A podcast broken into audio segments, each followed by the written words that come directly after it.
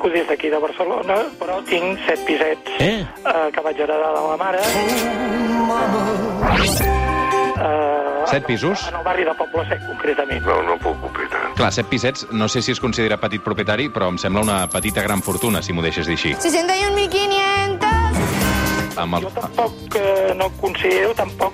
A veure, no, no, no és una gran fortuna, Por favor, home, per l'amor de Déu. penalitzar l'especulació. Si deixa la política, es dedicarà a, a fer la tesi doctoral i a la docència? I de què viuré, de què menjaré. No en tindria prou. Jo sóc una bona persona i ho sap tothom. La setmana tràgica.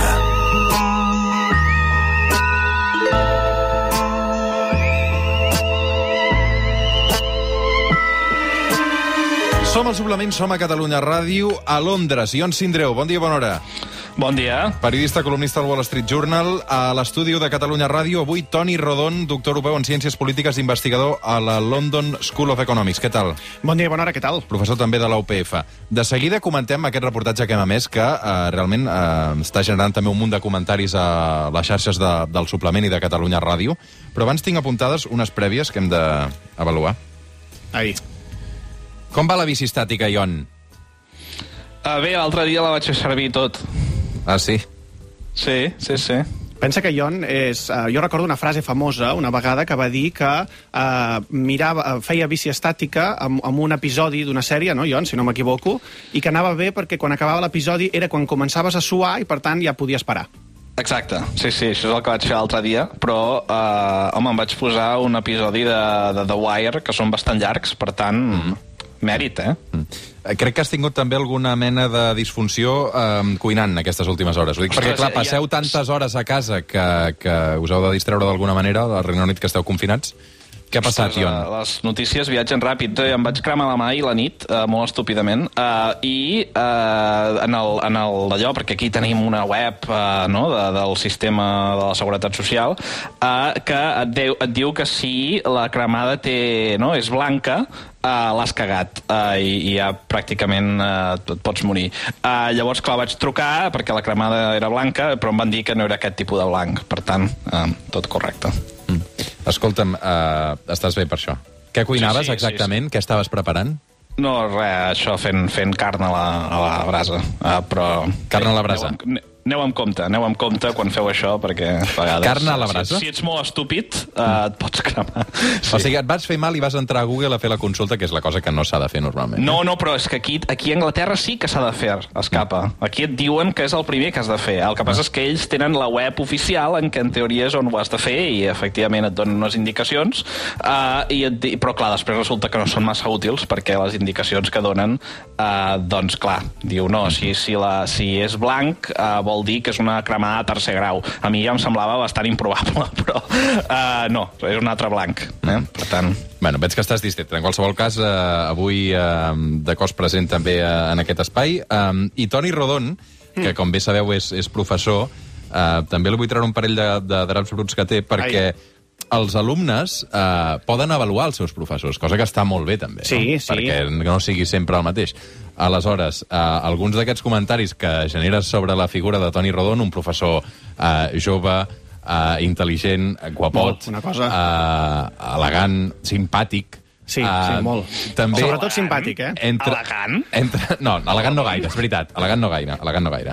Uh, entre tots aquests comentaris que, que hi ha de tots aquests alumnes que, que et tenen, um, ja ha generat també controvèrsia. A veure, què ha passat, Toni? No, no, no, eh, enguany no, no ha passat massa cosa, no? Uh, vull dir, els O alumnes sigui, ara diràs, poden que, avaluar... ara, di- ara diràs que l'avaluació és de l'any passat per no deixar constància que en realitat és d'aquesta. No, no, només a vegades hi ha, hi ha comentaris graciosos. Uh, que tots els comentaris són útils, eh, perquè t'ajuden a millorar i a fer millor la, la classe. Recordo un, un comentari que fa uns anys vaig rebre, que em va fer molta gràcia, que deia una cosa com uh, aquest noi s'hi esforça, fa molt bé les classes, uh, podrien substituir aquesta assignatura per una altra, i curiosament aquesta altra també la feia jo, no?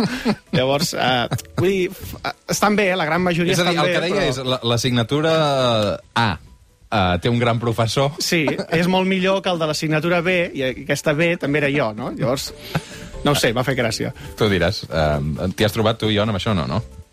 No, jo no he tingut la sort de, de ser professor. Estic segur que els alumnes estarien encantats. Bé, avui la Setmana Tràgica arriba una mica més tard, normalment és a les 10, avui la farem a les 11, perquè eh, els hi vaig demanar al Toni Rodon i al Lion Sindreu que s'escoltessin també prèviament aquest reportatge que acabem d'emetre de, de Si Déu vol, amb quatre protagonistes, quatre joves, eh, que són creients, per poder-los comentar i també portar-los al seu territori, el Lion a la part econòmica i el Toni a la part política.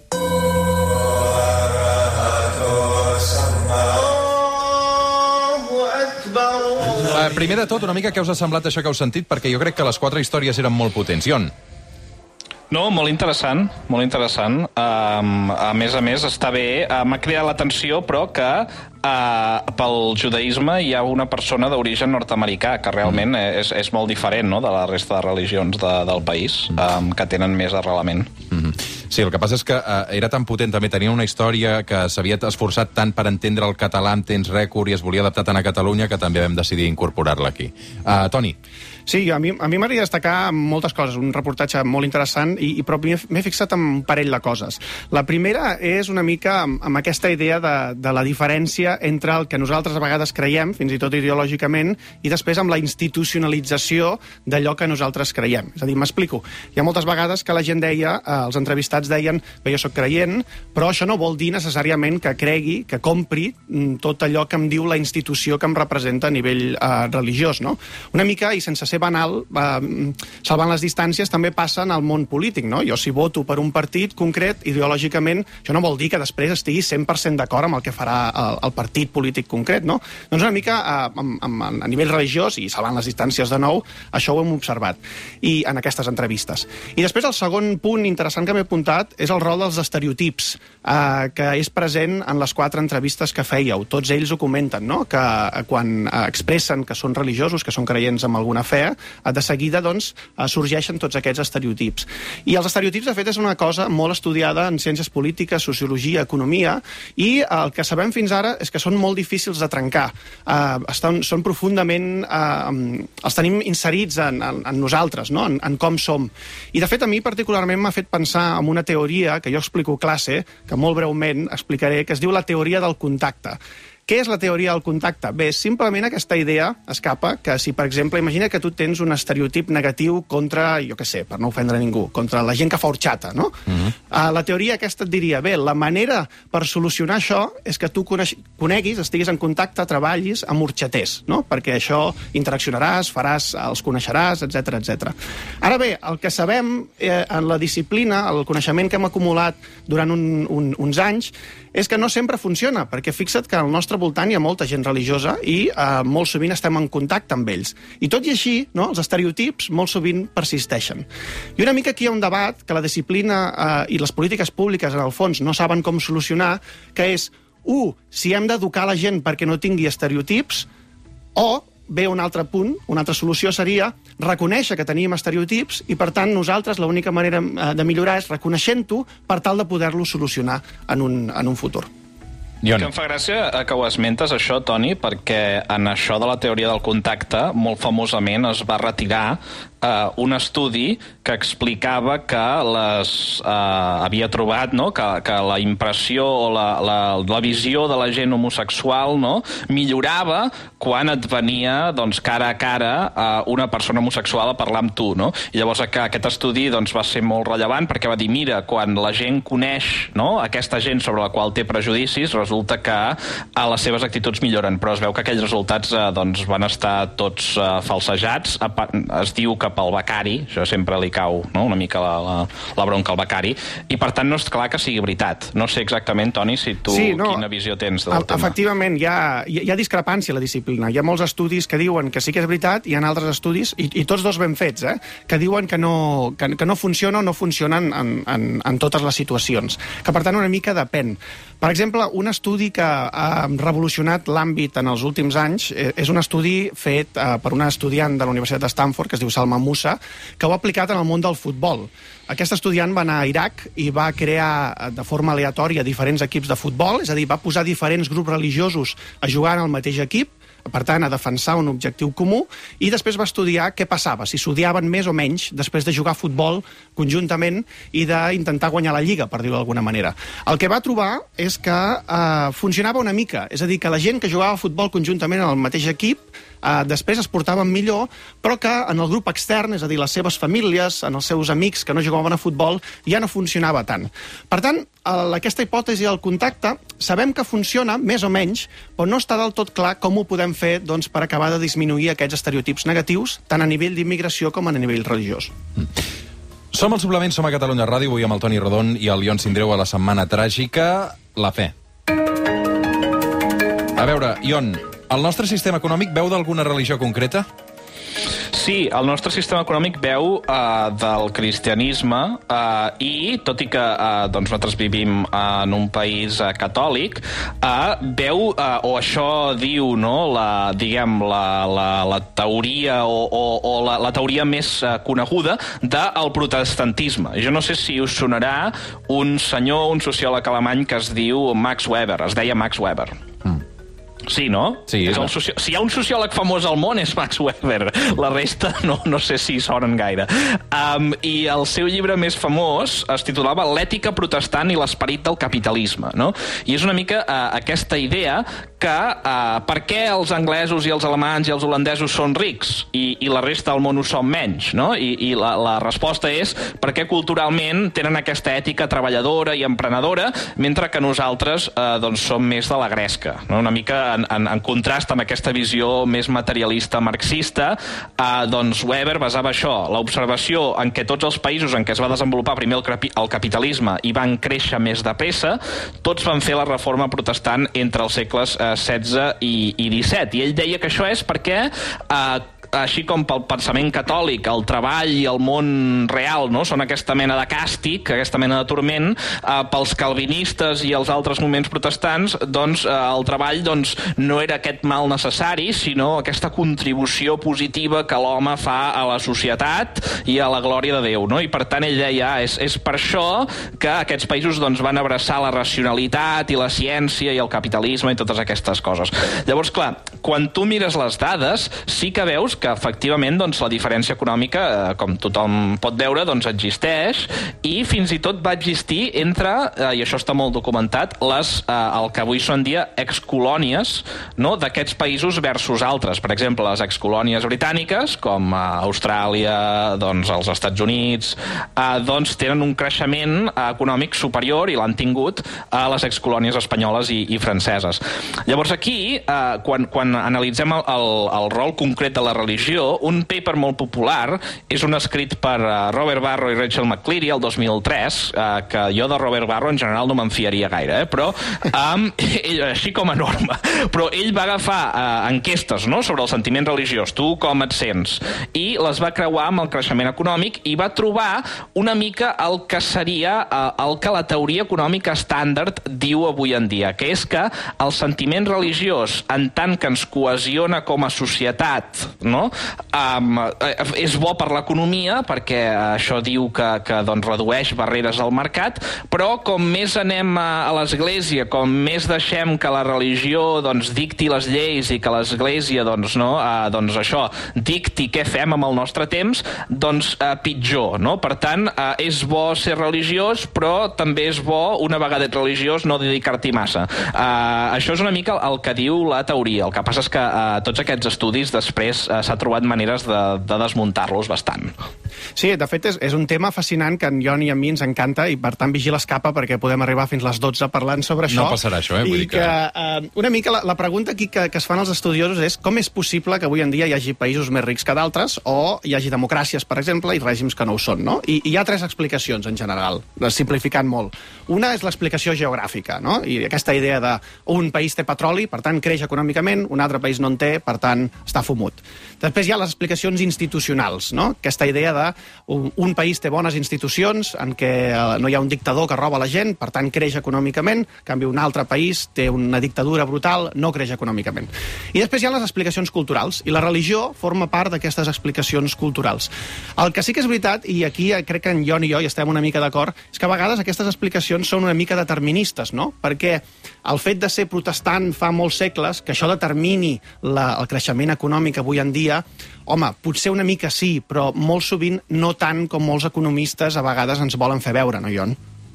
Bé, no, jo, jo diria que precisament el que sí és cert és que el que ha passat en el passat és molt important per determinar on ets en el futur, no? És a dir, els primers països a abraçar el capitalisme, eh, doncs segurament encara avui en dia guanyen d'aquesta posició de, no, de, de privilegi que tenien en el seu moment. La pregunta és, i això per què va passar en un moment concret, no? Eh, en una situació molt concreta? Jo, en aquest sentit, eh, sí que estic més a favor de Weber que, que de molts, eh, diguem-ne, historiadors econòmics d'avui que diuen això del capitalisme va néixer a Itàlia en el Renaixement, no a Venècia i tot això. Jo, jo no, això no m'ho crec massa. Eh? Jo, jo crec que en aquest sentit Weber té raó, el capitalisme neix, és una cosa anglesa, no? del segle XVI. Neix a Anglaterra, on s'hi desenvolupa doncs, una sèrie de relacions de propietat específiques entre treballadors, llogaters, propietaris, eh, i aquí no cal entrar-hi massa, eh, però, clar, aquí la religió hi juga un, hi juga un rol. Doncs és possible que en el cas anglès, com a, que, que recordem, el rei o la reina també és el cap de l'Església, eh, el fet de que hi hagués aquesta centralització de poder doncs, permetés, això que deia el Toni, no? establir aquest tipus d'institucions concretes que van dur el capitalisme al món i, per tant, doncs, van beneficiar primer aquests països que estaven connectats amb Anglaterra. Això vol dir que el fet de ser que la gent sigui religiosa o tingui una ètica concreta no? va determinar això. Jo no, no m'ho crec i, de fet, crec que fins i tot avui en dia això té un cert tuf de racisme. Uh -huh. De fet, això es podria fins i tot aplicar en l'àmbit de, de les democràcies, no? Una pregunta clàssica és com és que Europa ha format democràcies abans que altres territoris. I hi ha molts autors o molts estudiosos que precisament defensen que és pel fet que de l'Església, no?